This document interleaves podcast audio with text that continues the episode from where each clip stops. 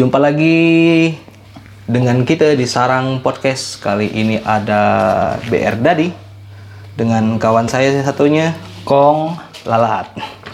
Di episode 6 nih kami akan bahas, bukan bahas sih, mungkin merefleksikan cerpen dari Kunto Wijoyo. Judulnya Laki-laki yang kawin dengan peri.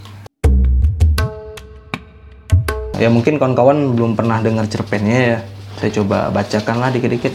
Laki yang kawin dengan peri, cerpen Kunto Wijoyo. Awal cerita, eh, Pak Kromo ini tinggal di desa seperti orang-orang pada umumnya. Cuma eh, pada suatu ketika tetangga dia itu, kalau salah tetangga dia eh, menikah, menikah. Habis itu yang si laki-laki tadi dari kampung sebelah cium bau busuk. Nah, nuduh lah, nuduh istrinya, tapi istrinya bukan juga. Nuduh mertuanya, bukan juga mertuanya. Eh, lama kelamaan bau busuk itu makin makin menyengat, makin menyengat. Habis itu ya udah, eh, jadi masyarakat desa itu nyari di mana sumber bau busuk itu. Nah, jadi keliling orang nih nyari bau sumber busuk itu. Dan akhirnya ketahuan lah bahwa sumber busuk itu adalah Pak Kromo. E, sudah barang tentu hal ini tidak mau diakui Pak Kromo sendiri karena katanya dia udah mandi, udah pakai sabun, udah minum jamu padahal dia tidak sedikit pun e, suka minum jamu itu. Lambat hari, diam-diam Pak Kromo menyingkirkan atau mengasingkan diri di gubuk di pinggir desa. Pindahlah ia ke sana. Tetapi ternyata eh, hal itu, langkah itu, langkah Pak Kromo pindah ke desa eh, ke ujung desa tidak menghilangkan bau busuk. Malahan eh, masyarakat makin banyak mengeluh ketika Pak Kromo pergi ke warung, warung itu langsung ditinggalkan pembeli. Juga begitu juga ketika Pak Kromo menonton wayang, wayangnya bubar. Menyadari hal itu karena mungkin Pak Kromo tidak nyaman dengan masyarakat. Pak Kromo bukan hanya saja keluar dari desa yang tadi tinggalnya di tepi sawah itu, malahan dia mungkin menjauh gitu di daerah yang berbatuan dan di situ dia mengamparkan tikar sama apa gitu untuk untuk bertidur. Nah, di puncak frustasinya Pak Kromo karena telah bermalam-malam nginap di situ, tiba-tiba muncul seorang sudah yang laki-laki. entah dari mana Kau datangnya. bangsa- kalau bangsa manusia tidak Nah, mau mengerti, tiba-tiba mewujudkan. jangan kalau bangsa manusia tidak mau mengerti, jangan susah. Ini awal kemunculan eh, peri, peri dalam tanda kutip dan bersekutulah peri dengan Pak Kromo itu. Nah, uniknya di sini eh, Kunto Wijoyo menceritakan, mencitrakan bahwa ketika Pak Kromo kawin dengan peri itu disaksikan oleh eh, warga desa. Cuma eh, apa namanya? pasca pernikahan itu mereka udah udah udah lupa gitu. Tapi taunya Pak Kromo udah menikah dengan peri. Selanjutnya untuk berapa lama bau itu menyengat, eh, Pak Kromo ini makin makin lama makin bau, makin lama makin bau dan pada satu malam ada orang yang berpakaian seperti kiai datang dengan satu kesatria yang yang mungkin masyarakat bilang itu adalah penjaga kiai itu dengan datang dengan kuda eh, menegur masyarakat sekitar. Kiai itu bilang padahal Pak Kromo itu orang baik hmm, tidak pernah menyakiti orang selalu berkata lembut tidak dia selalu menundukkan muka suka menolong dan tidak sombong dermawan dalam kemiskinannya suka memberi dalam kefakirannya. Tapi kenapa masyarakat mengucilkan Pak Kromo? Sejak itu masyarakat mulai untuk mencoba mendekati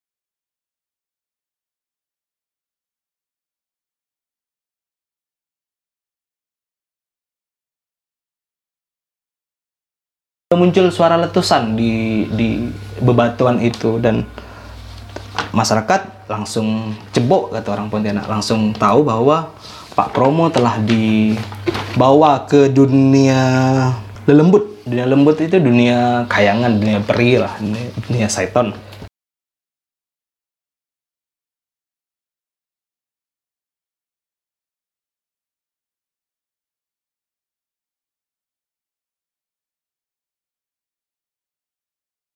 Jadi bayi, remaja, orang tua itu bermatian gara-gara eh, mencium bau busuk.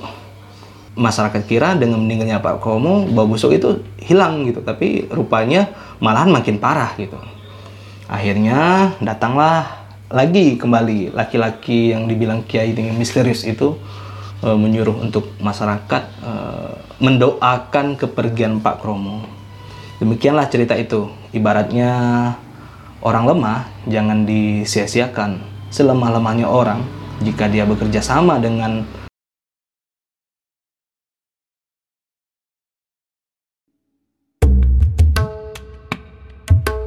pernah dengar cerita ini enggak? Pernah, pernah. Karena di Indonesia kan sempat geger loh. Ah, ah, Mbah apa sih namanya? Mbah Kodok dah apa? Mbah Kodok. Ah, Mbah Kodok, Mbah Kodok. Berapa tahun yang lalu? Eh, Mbah Kodok pernah nikah kan, bahkan pernah nikah karena aku eh, beberapa hari yang lalu sebelum disampaikan sama Dadiu aja ini sempat kelihatan kan waktu buka YouTube ada tampilan itu Mbah Mbah Kodok. Kodoknya itu. Kalau nggak salah dari Vice gitu. Mm, mm, mm. Eh, di itu YouTube-nya Vice. dia masyarakat juga apa maksudnya menyaksikan pernikahannya ya Iya nikah dan menyaksikan pernikahannya bahkan resepsi kan dengan budaya Jawa. oh waduh, waduh, waduh, waduh, waduh. aku Bahkan kata pengakuan Mbah Kodok sendiri punya anak punya anak dua sepasang kan perempuan laki-laki gimana nak melogikakan? Itu enggak tahu. Kayak gini susah nih logika.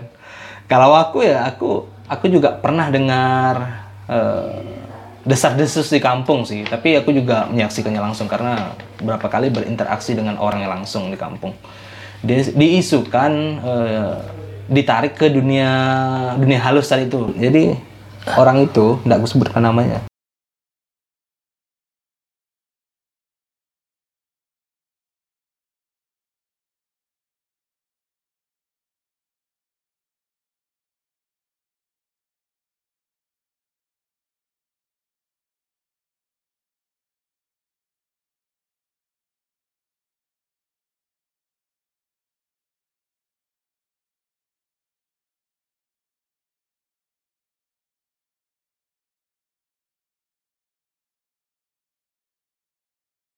oke. Oke kita lanjut ke lanjut ke topik. laki-laki yang kawin tapi kalau nak bahas yang lain pun tidak jadi masalah sih. Ini hanya untuk pengantar ya. Tapi memang lagi seru-serunya gue bicara ini karena enggak lepas dari pandemi gitu geblok nah tapi kita mau coba coba mengambil dari inilah yang yang mitologinya itu. Mm-mm. lelaki yang kawin sama peri gitu kan Gimana sih respon kau terhadap isu-isu mitologi? Kan seperti yang kita tahu nih, bukan hanya masalah ini sih, masalah yang lain. Kalau di kampung aku tuh ada lokasi tertentu, daerah tertentu yang wah ini banyak setannya. Istilahnya kampungnya jin. kampungnya jin, tak boleh masuk sembarangan di situ, tak boleh diganggu gitu kan. Tapi pada akhirnya aku menyimpulkan masyarakat menciptakan isu mitologi itu rupanya mau melindungi apa melindungi eh, istilahnya alam yang ada di situ sih. Ya, itu salah satu ya Salah satu di antaranya kayaknya. Mungkin bahasanya ya sih bahasa Bahasanya. kultur kita kayaknya. selain selain iya yang paling paling utama sih memang perlindungan alam gitu dan penting juga kan yang namanya mitologi terus terjaga Mm-mm. sekarang kan orang nggak nggak pernah eh sekarang orang udah mulai pudar dah pudar kalau dengar dengar antu jenis segala macam karena Antu tak ada harganya lagi sih. harganya lagi. Ya. apalagi banyak banyak YouTube yang main-main sama hantu dan segala macam dan tidak ada harganya lagi. Tidak ada yang takut lagi sih sebenarnya. Yang lebih takut tuh dengan begal. Ah. Dengan koruptor. dengan, dengan koruptor. Itu yang paling takut. Nah ngomong-ngomong dengan ini lagi ya. Kawin dengan peri di sekitar kita gitu. Ah, salah satunya dari kawanmu yang ngomong kayak gini aku pernah ngalamin sih sebenarnya ah, ini boleh nih sesi curhatnya. nggak tahu itu itu fantasi halu atau imajinasi bukan? atau, halu kan halu halusinasi gitu Ah, cerita lah. Mungkin jangan-jangan pendengar nanti juga pernah mengalami yang sama. nah pendengar kan pendengar jangan ditelan tamta ya percaya ya terserahmu gitu nggak percaya pun nggak apa gitu ah, ah, cerita lah. kawin dengan peri. Tahun berapa itu? Tahun berapa? kalau kalau kita coba mengartikan peri yang dimaksud peri itu adalah lembut ataupun ini ya. Malu halus. makhluk halus ya katakanlah makhluk halus gitu. Jin gitu Jin, kan jin gitu. Nah kalau itu ya itu tadi seperti di awal saya bilang saya pernah ngalamin entah itu bentuknya fantasi majelis atau ataupun halusinasi. Nah cuman eh, sekarang pengen pengen cerita ya. Waktu itu masih SMA karena udah lama SMA seorang ya cewek gitu. Dan tidak pernah tahu tidak pernah tahu dapatnya waktu itu. Ketahuan waktu itu dikasih tahu sama adik angkat gitu kan adik angkat yang yang memang indigo gitu. Adik itu indigo adik itu indigo Itu bentuk perinya itu berupa manusia atau berupa yang lain? manusia Manusia ya? Oh iya. eh bukan manusia berarti jin tadi Heeh. kan kalau kita kalau kalau Nggak, saya- rupanya apa bentuknya fisiknya? iya sama kayak manusia Sama lah. manusia kan? sama kayak manusia Heeh. ya ngomong makan sama gitu makan Aktivitasnya sama kayak aktivitas sama gitu ya punya orang tua kerja nah sebelum sebelum masuk di situ aku cerita kenapa sampai aku bisa tahu gitu kan? Heeh. dulu pertama dikenalin bahwa ada dikasih tahu ya bukan dikenalin tapi dikasih tahu ada gitu. Ada sesu, ada ada ada orang lain nih gitu. Ada orang lain yang selalu ngikutin dan suka. Oh tertarik dengan tertarik denganku gitu tertarik denganku. Nah di situ penasaran kan penasaran dan tidak percaya. Mm-mm. nah beberapa kali beberapa kali ketika nyantai duduk nongkrong sama kawan-kawan ataupun lagi duduk selesai sholat dan nongkrong ngopi atau ngerokok gitu Mm-mm. kerap kerap tercium bau Bawa apa tuh? bau wangi lah gitu aroma wangi dan aku nggak bisa sebutin aroma jenis aromanya gitu bau wangi dan aku nggak cium Oh malahan kau yang nggak cium? aku nggak cium Heeh. Tapi kau tahu nggak keberadaan itu? eh cuman ya rasa Sekilas-sekilas gitu. ya, feeling ya, ya kayak gitulah. Cuman kawan-kawan lah tau lah. Kan kalau kawan-kawan masih usia SMA dan baru belasan tahun gitu Heeh. nyeletuk gitu nyeletuk. Apa nih bau bau ini nih ada bau ini ada bau ini ada bau ini gitu. Kuat sekali gitu. Dan aku diam gitu. Aku nggak cium. Aku diam yang nggak mau ngasih tahu kan takut kawan-kawan parno. Karena dulu ngumpulnya nggak di kayak sekarang kan warkop dan segala macam. Kalau saya di kampung di Ngabang itu di ya di, di Jembatan. Nggak. di apa di masjid gitu. Masjid itu jauh dari pemukiman. Rumah-rumah warga jaraknya sampai 50 meter gitu. Baru ada masjid ada kursi gitu. Seringnya kayak situ Oh. atau enggak pun di sungai sungai Di kecil. sungai gitu kan. Nah, lagi siang-siang atau sore-sore lagi mancing tiba-tiba bau gitu. Heeh. Keciuman lah aromanya diam dan aku penasaran kan sebenarnya sebenarnya walaupun udah tahu dikasih tahu sama adik tadi itu gini ada gitu dan aku saking penasaran jadi pengen ketemu Oh, lalu tertarik gitu. lalu tertarik gitu kayak tadi itu dibilang kan dia tertarik sama gue Hmm. dan aku pengen lihat Hmm. pengen lihat dan ada beberapa kali diajak sama adik itu untuk ngelihat untuk komunikasi Hmm. Nah.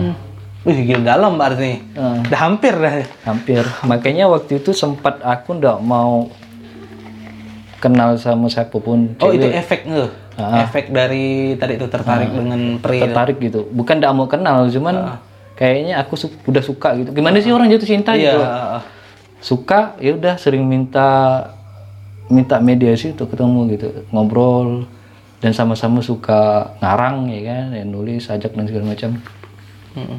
Dan sering ketemu gitu Itu mau kalau mau ketemu memang harus mediasi atau bisa langsung gitu maksudnya. mediasi Harus waktu itu masih mediasi walaupun sebenarnya aku udah diajarin Heeh. untuk bagaimana manggil dan ketemu Heeh. tapi aku karena nggak tahu lah cara ngamalin Metodenya gitu. metodenya gitu akhirnya minta mediasi ketemu ya langsung ya ngobrol kayak kayak gimana sih ngobrol sama kawan sama cewek Heeh. kayak nyata gitu loh kita merasanya nyata gitu cuman nggak ramai kan Heeh.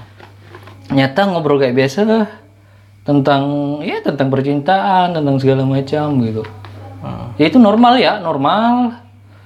Sampai aku pun tenggelam tenggelam dan merasa suka juga gitu. Sampai ada perjanjian aku aku akan ketemumu nanti di suatu saat. Jauh dah ya. udah jauh malah jujur ini baru aku cerita pertama kali aku cerita di sini udah jauh sekali sampai adik sepupu aku itu marah. Sering kali marah sering kali maki. Bu- malahan maki. Kau bodoh kau gila kau dan macam-macam. Dia bukan bukan untuk kita gitu. Dia bukan untuk kita dia tidak bisa untuk kita gitu. Secantik apa pun dia gitu. Sebaik apa pun dia gitu. Hmm. Nah, aku sempat tenggelam, tenggelam jauh. Cuman yang tinggal sekarang, kok tidak salah cuman berapa tahun doang kan? Berapa tahun tuh? Berapa, berapa lama tuh yang gila kayak gitu tuh? Anggaplah gila gitu. Empat tahunan, lima tahun. Lama juga. Lama sekali. Sampai aku kuliah pun masih kok sering. Di kampus kadang-kadang di kelas datang kawan-kawan cium bau. Eh, semester awal ya, tapi semester 1, semester 2 tahun 2006 eh 2008 2007 2008 gitu kawan-kawan sering nyium tuh diam-diam kok bang lu ini kok pakai minyak wangi ini ya Gitu. Dan aku cuma diam gitu paling aku tegur udah udah pulang dulu lah gitu. nanti malam kita ketemu paling kayak gitu Selain dan dampak tadi itu kau menjauhi atau mengasih jarak dengan perempuan perempuan manusia. Dampak apa lagi yang terjadi pada kau? Kan pasti dampak psikologi tetap juga iya terpengaruh itu. jelas Betul. dan untungnya untungnya aku punya adik yang memang sering ngingetin Heeh. sering ngingetin dan sama kayak ya- yang yang kau bilang tadi itu dia pasti tahu apa yang aku lakukan apa yang aku pikirkan. Dan aku sekarang dalam keadaan seperti apa dia pun tahu sampai sekarang. Oh, makanya sering kalau aku dalam keadaan gimana pun kalau butuh teman kalau butuh diingetin dia pasti ngubungin. Oh, sampai sekarang. Berarti berarti masih terkoneksi gitu. masih. Masih terkoneksi. tanpa WA ya. Tanpa WA tanpa SMS lah gitu. Sampai sekarang. ada pakai zoom lah kita. Nah dulu malahan, dulu malahan kok dengan karena dulu nggak punya HP, Heeh. ya kan? Dulu malahan kalau dengan dia, kalau pengen ketemu, ya udah diam sejenak, udah Langsung masuk. Oh. ketemu, langsung ketemu gitu. Aku pengen ketemu, ketemu di mana udah Wih. sampai gitu. Dan dia yang ngajarin. Ini aku buka, eh, ini aku kasih. Kita kan nggak punya HP, ya udah kita kasih, kita ngobrol. Kalau pengen ketemu, cuman cuman terbatas batas itu aja. Mm-mm. Aku penasaran nih. Kan kita kan melakukan dialog nih. Heeh. Pesan ada ada pesan-pesan dia entah dia jelek-jelekkan manusia gitu. Karena kan ya sifatnya makhluk halus biasanya selalu kontradiksi. Enggak kalau kalau yang pengen ketemu tadi itu bukan yang si malu halus. Oh, bukan yang makhluk halus. Adik aku. Oh, dengan adikmu. Adikku. Aku kan enggak punya HP kan sama dia gitu. Kalau pengen ketemu tuh dia ngajarin, yuk kita kontak, nanti kita ketemu di mana. Oh, gitu. Oh. Berarti ada cuman ada pertanyaan dan jawaban dan kesepakatan kan kamu di mana, aku di sini, oke kita ketemu di sini itu. Dan hanya cuma itu gitu. Dan waktu itu, waktu komunikasi dengan perinya tadi dalam tanda kutip, oh, ada pesan-pesan nggak biasanya? Biasanya kan selalu tuh. Kalau aku kan nggak pernah ketemu sih, cuma waktu di Pesan pesan kayaknya kayak sebuah cerpen Kunto ini. Artinya kalau dia pengen menyampaikan pesan, dia ndak ndak ndak menggunakan bahasa yang komunikasi sehari-hari. nggak nggak dialektika gitu. Ndak dialektika gitu. Jadi kalau dia pengen memberikan pesan atau apa pun, pengen ngobrol, ngobrol di tengah di tengah obrolan, kadang-kadang di tengah obrolan ada kayak membacakan syair, lanjut kayak ngobrol biasa komunikasinya. Nanti kalau mau nyampaikan pesan dia bentuknya syair. Wih, nyair tuh, peri. Mungkin, ya kan? Karena makanya di di buku menjadi manusia ada beberapa gitu. Oh, Asal jeli Ah, ah. pasti ada tahu. Asal jeli pasti tahu. Dan itu bukan tulisanku. Oh, oh. Dan aku Berarti dia juga bisa istilahnya gerakkanmu atau apa gitu. Sempat. sekarang udah enggak. Ah, Berarti dulu itulah, istilahnya dulu sempat sampai segitunya tuh. Sampai refleks juga kan. Refleks juga. Eh, sampai ngasih tahu eh, kawan itu orang itu jangan dikawanin. Nah, misalnya kayak gitu. Oh, sampai negor gitu. Saya menegur orang itu jangan dikawanin terlalu akrab. Heeh. gitu. Kawanin biasa aja, gitu. tapi jangan jadikan kawan akrab. Nah kayak gitu. Nah, kan tadi kan hubungan nih sampai dalam tanda kutip ngewek nggak dengan dia? Sempat ada itu nggak? Berarti hanya percakapan Hanya percakapan, pertemuan, ya kayak, ya paling dempet bahu, Heeh. dempet bahu gitu. Dempet bahu, ya kayak manja-manjaan, sendiran bahu, Macam sendiran pacaran-pacaran anak dulu lah. Ah, anak dulu yang sekarang kan Sekarang kan kentang tuh. Heeh. Kalau anak dulu kan pacarannya kayak gitu. Ah, iya, heeh. aku harus ngakui sih kayak gitu emang. Kalau sekarang kentang. Nah akhirnya berapa lama kemudian memang tidak timbul karena mungkin udah masuk waktunya ini kan karena dia kan kehidupannya kayak manusia punya nikah dan segala macam sekarang dia udah nikah Oh, CD-nya tuh. lidahnya Oh, iya. tapi dengan seorang pangeran di dunianya dia Dunia dia.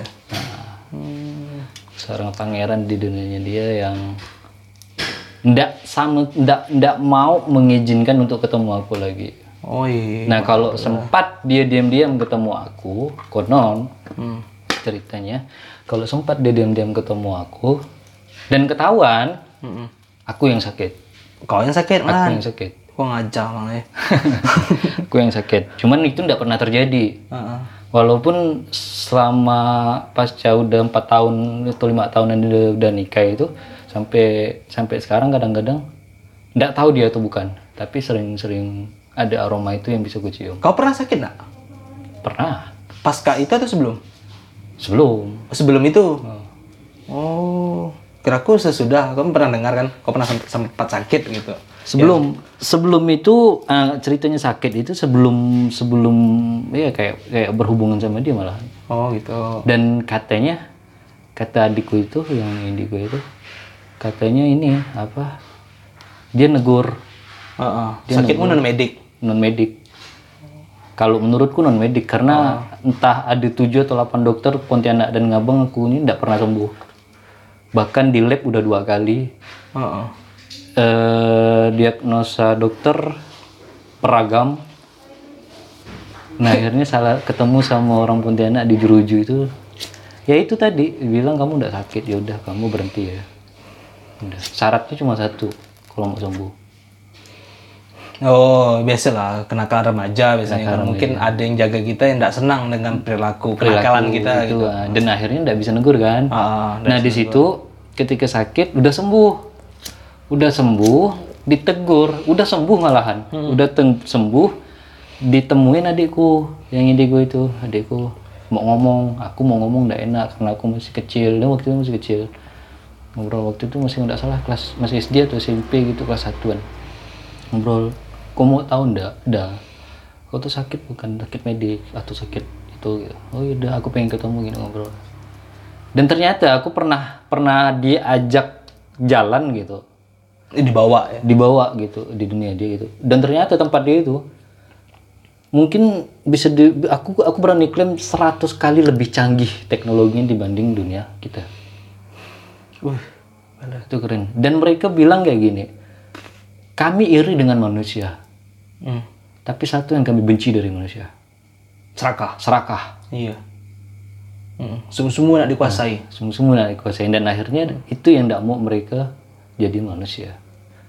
Dan itu serakah dan sebenarnya bentuk-bentuk yang kayak kesurupan dan segala macam sebenarnya ya itu tadi marah kepada manusia yang pengen ada yang pengen disampaikan sebenarnya. Cuma caranya. cuman caranya bingung gitu mereka bingung akhirnya mencoba. Dan itu pun ini ini dan itu pun ada sumpahnya gitu kalau mereka masuk ke man- tubuh manusia Oh, ada ada sebab akibatnya itu. Maksudnya ada pantangan atau apanya gitu. ada sumpah namanya mereka punya sumpah Oh, sumpah. mereka punya sumpah enggak tahu mungkin kita kawan-kawan bisa pendengar bisa bisa mencari kata yang lain yang tepat ya ada sumpahnya gini bunyinya jika aku cabut pedangku sepenuhnya Mm-mm.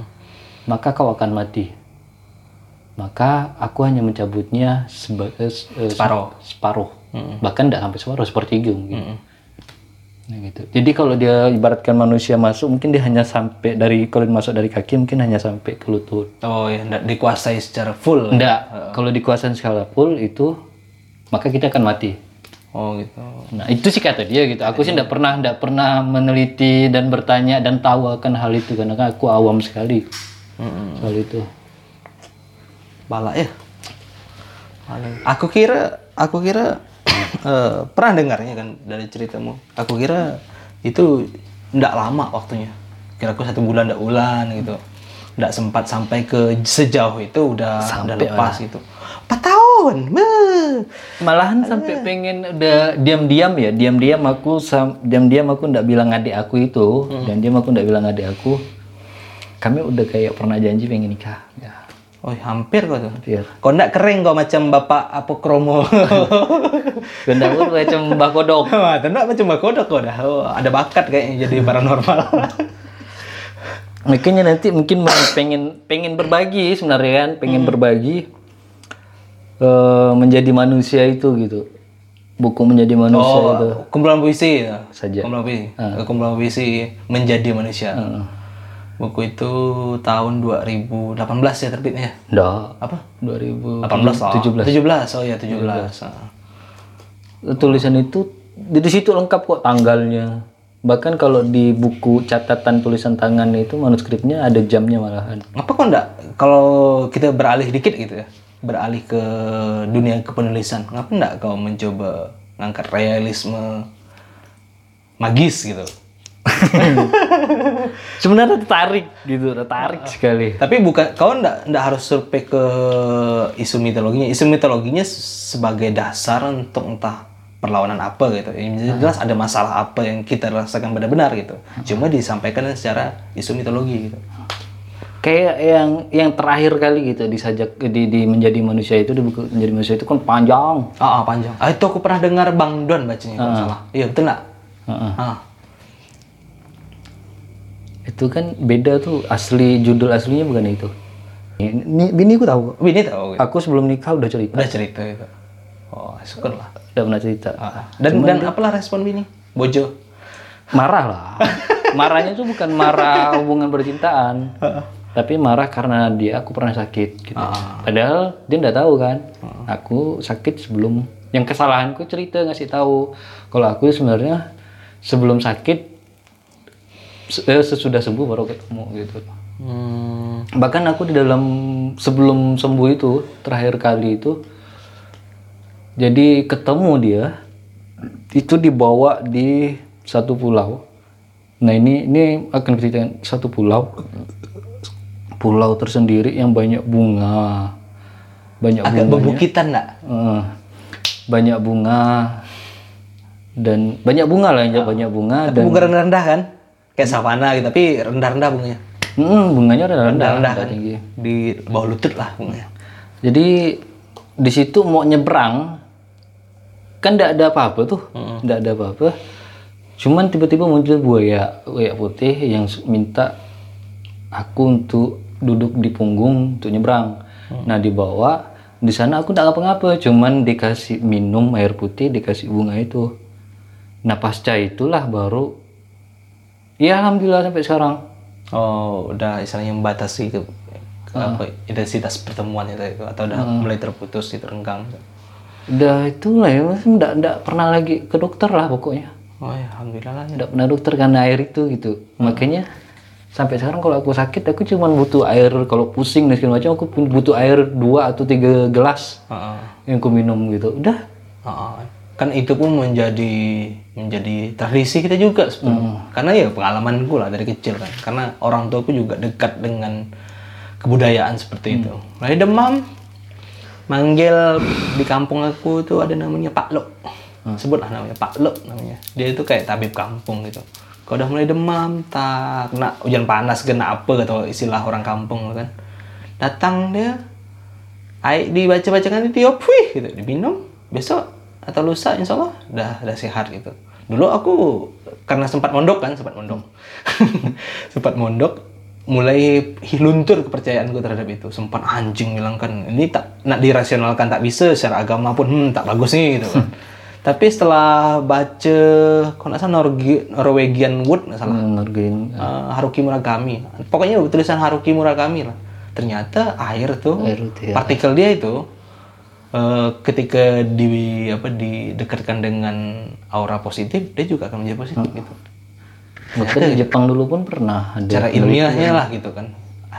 Apa yang kita anggap di masa lalu itu tidak rasional, gitu, irasional gitu. Rupanya di, di Iya banyak-banyak minum air putih, cuman harus dengan aura positif. Kalau bagi yang beragama, nih pendengar bagi yang beragama ya usahakan untuk didoakan airnya gitu. Karena di Jepang dulu pernah kan penelitian. Tahun berapa itu pernah penelitian di Jepang? Dua gelas air putih yang satu didoain yang satu dimaki-maki. Oh. dan ternyata diteliti partikel-partikel air itu. Oh. yang bagus itu yang didoain. Atau di basic aku dengar tuh udah aku baca aku tahu aku dengar gitu lupa juga aku. Kalau misalkan disetelkan musik tertentu gitu dia juga akan mengikuti aura musik itu.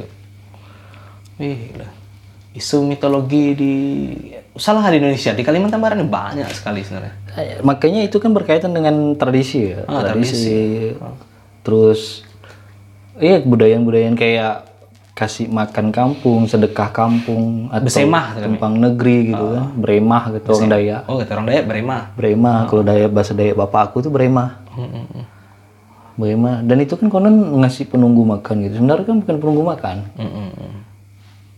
tapi itu istilahnya mungkin masyarakat dulu nggak tahu nyebutnya apa nggak tahu nyebutnya nggak apa tahu gitu. nyebutnya gitu. Jadi ya sebutlah penunggu gitu.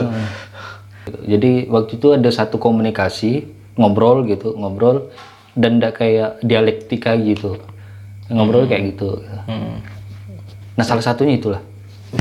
Makanya beda tuh kalau yang tahu yang, yang sering baca tulisanku Ah, karena di puisi-puisi normalmu kau lebih istilahnya ngelek-ngelekkan pemerintah gitu. Banyaknya ke situ kan, ngelek-ngelekkan negara gitu kan. Tapi kok tiba-tiba di situ kok ngangkat isu alam, isu kemanusiaan, isu seterusnya gitu. Banyak sekali gitu, campur aduk gitu. Eh, walaupun penulisannya buruk sekali gitu. Dan aku waktu itu layouter kan, juga minta maaf seharusnya karena banyak tipu masih tak terlihat sama aku. dan Menarik nih. menarik sebenarnya tuh kalau kalau jauh di dalam diriku aku kangen gitu rindu. Mm-mm. Anak bini tau nggak? Kan sekarang situasinya udah nikah gitu. Nin- Ya sama kayak misalnya kayak kita gitu, kayak cerita aku, pengalamanku gitu. Kalau masa itu aku cerita ke orang yang ahli agama, katakanlah kayak gitu, yang tahu agama, dia pasti bilang dosa, dilarang sama agama dan segala macam. Nah mungkin kalau aku saat sekarang aku cerita, Heeh. beda lagi itu penyampaiannya. Oh. Ya enggak apa-apa itu wajar kok memang ada. Itu karena dia nyampaikan akan nyampaikan sesuai dengan daya cerna kita gitu kan. Saat itu aku masih labil, masih kecil kalau disampaikan kayak sekarang aku bisa jatuh nih jauh tenggelamnya kan. Enggak mungkin diceritakan, Berarti makanya berbeda. Makanya kayak dulu tuh aku masih kecil, kok di Ngabang itu anak-anak di Ngabang paling dimarah sama orang tua siapa pun kalau menyebut dirinya aku. Oh tak boleh nyebut aku gitu. Tidak boleh. Alasannya cuma tidak sopan doang. Iya. Sama aku juga di keluargaku nggak terbiasa nyebut aku, tapi sebut nama. Ah. Nama atau sapaan. Karena aku anak pertama gitu kan dipanggil abang gitu. Pokoknya tidak boleh pakai aku, pakai nama atau pakai kalau kami itu di sana tuh kula, Kula. kami gitu kan. Kalau Jawa kulo. Lo. Nah, kalau dalam dalam aku pernah dengar dari ustadku tuh bilang kayak gini. Sebenarnya aku itu kata aku, panggilan aku itu hanya mutlak hanya punya Allah. Oh punya Tuhan, Jubata. Hmm, Jubata. Itu mutlak gitu. Karena aku itu bentuk dari penunjukan kekuasaan, kebesaran dan segala macam kemuliaan. Nah, makanya dulu kenapa anak dibilang tidak bis, ndak boleh, ndak hanya dibilang tidak sopan? Karena tidak mungkin sampai nih dibilang kayak gitu. Iya betul lah. ha. Karena tadi tuh pik- pikirannya belum sejauh itu. Mungkin belum mampu untuk Proses mencernanya lah, proses, ya. Makanya dibilang hanya tidak sopan, marah gitu. Padahal kalau kita lihat di setiap daerah punya kata sapa untuk diri sendiri kan. Kulo, kule, kula, kame, apa gitu. Kalau kalau Padang itu ambo Ambo. dan semua daerah punya. Iya, tiap, tiap tiap masyarakat tuh punya bahasanya Oh, masing-masing. punya bahasanya masing-masing. Jangankan per provinsi.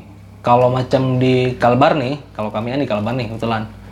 Setiap daerah tuh punya bahasa masing-masing malahan. Dan di dalam kabupaten, kalau ya kota kata kabupaten itu campur aduk lagi bahasanya. Campur lagi. Campur aduk karena masyarakatnya ya macam-macam satu saku lah. Aku nggak bisa nyebut diriku Dayak, nggak bisa nyebut diriku Melayu. Tapi yang jahan, yang yang jahanamnya podcast kali ini aku jadi terbongkar soal itu kan, tidak pernah aku ceritakan di mana. Oh, tak apa-apa lah. Paling aku ceritakan cuma sekilas-sekilas ya kan. Karena Pernah, pernah, ya, cuman kayak gitu doang. kenapa aku ngangkat eh, cerpennya Kunto Wijoyo karena memang beberapa akhir ini untuk Iya, memang menghibur kesuntukan kita Nah, di di, masa di sarang pandemi ini ya gitu. Karena kita memang berapa hari di sarang ini, berapa malam gitu. Hmm. cerita tentang itu terus. malam itu ceritanya tentang mitologi ya. Ah, tentang mitologi gitu. Nah, kita tidak nyebutnya jin ilmu gaib, alam gaib enggak, cuman kita lebih kenangnya dengan menggunakan diksi mitologi Ah, aja. mitologinya gitu kan. Karena bisa di- dilihat dari berbagai sudut pandang kebudayaan, tradisi dan segala macam daripada disebut ilmu gaibnya. Ah, spiritualnya. Macam kami ini tahu apa? Dan itu juga kan sebab itu juga orang-orang dulu mem- spiritualnya kan sangat tinggi, Ah, kepekaannya. kepekaannya sangat tinggi karena adanya mitologi itu. Iya. Nah sekarang kan mitologi udah tidak dipercaya, tidak ada yang ngeri. Eh, nam, nam- nyambahkan ini, aku ingat pesan almarhum nenek, nenek Wanku, nenekku. Kalau dia mau nam nam sesuatu, selalu punya apa sih ses- sesapa tuh kalau kami itu. Apa tuh istilahnya macam rapalan itu, repean gitu. Oh, nek datuk kami nanam misalkan durian nih, durian nih mudah-mudahan nanti berbuah untuk anak cucu kami, bukan untuk dirinya. Izin dulu lah, Izin eh, bepa- bepadah gitu. pada izin dulu lah ya, kalau bahasa itu. Tapi yang yang aku lihat tuh bukan masalah tadi itu bukan masalah nenek, datuknya, tapi niatnya tuh untuk anak cucu. Dia tidak mikirkan generasi di dia gitu, tapi untuk generasi anak sama cucunya gitu. Panjang skala pemikiran. Sama sih kayak kayak di kebudayaan gue, di tradisi gue pasti diwajibkan. Ah, kalau orang karakter orang modern ini kan menyelamatkan dirinya sendiri. Oh, tak sama-sama ujungnya. Nggak ada yang takut lagi udah. Malahan ada beberapa yang aku nonton di YouTube itu ya mau di makam kuno, makam tua atau di tempat itu segala macam. Ada beberapa YouTube itu konten yang lagi booming sekarang tuh kan metal detektor ya. Ah, metal detektor, nyari koin segala macam tuh, barang-barang antik tuh ya. Barang itu metal kalau lah. malahan bukan ada ada pamit dan segala macam. Bahkan kalau nggak muncul wasu jin bah naikin bah kalau nggak dapat tuh jangan Miso. misu jadinya gitu miso. Hmm. Dan barang-barang yang dulu, barang-barang kuno pun sekarang bukan barang yang sakral kan. Kalau dulu-dulu tuh barang kuno itu sakral kesannya gitu. Ada etika, Ada cara etika, merawatnya cara merawatnya gitu. Padahal itu yang yang membuat spiritual masyarakat Nusantara yang baik gitu kan. Menjadi baik, unik, baik gitu. Hmm, jadi kita ngomongnya jadi ke isu-isu tadi itu mitologi pula. Padahal awalnya sebenarnya aku mau nyirarkan isu itu sih isu politiknya sih makna yang terkandung sih. Tapi enggak apa-apa lah. Namanya juga podcast podcastan. Rencananya aku juga mau buat interaksi sama pendengar karena puji jubata lah. Pod, 6 podcast ini yang yang istilahnya sembarangan kami buat ngomong masih patah-patah ngobrolnya masih campur aduk gitu bahasanya gitu. Eh, pendengarnya itu udah lumayan loh.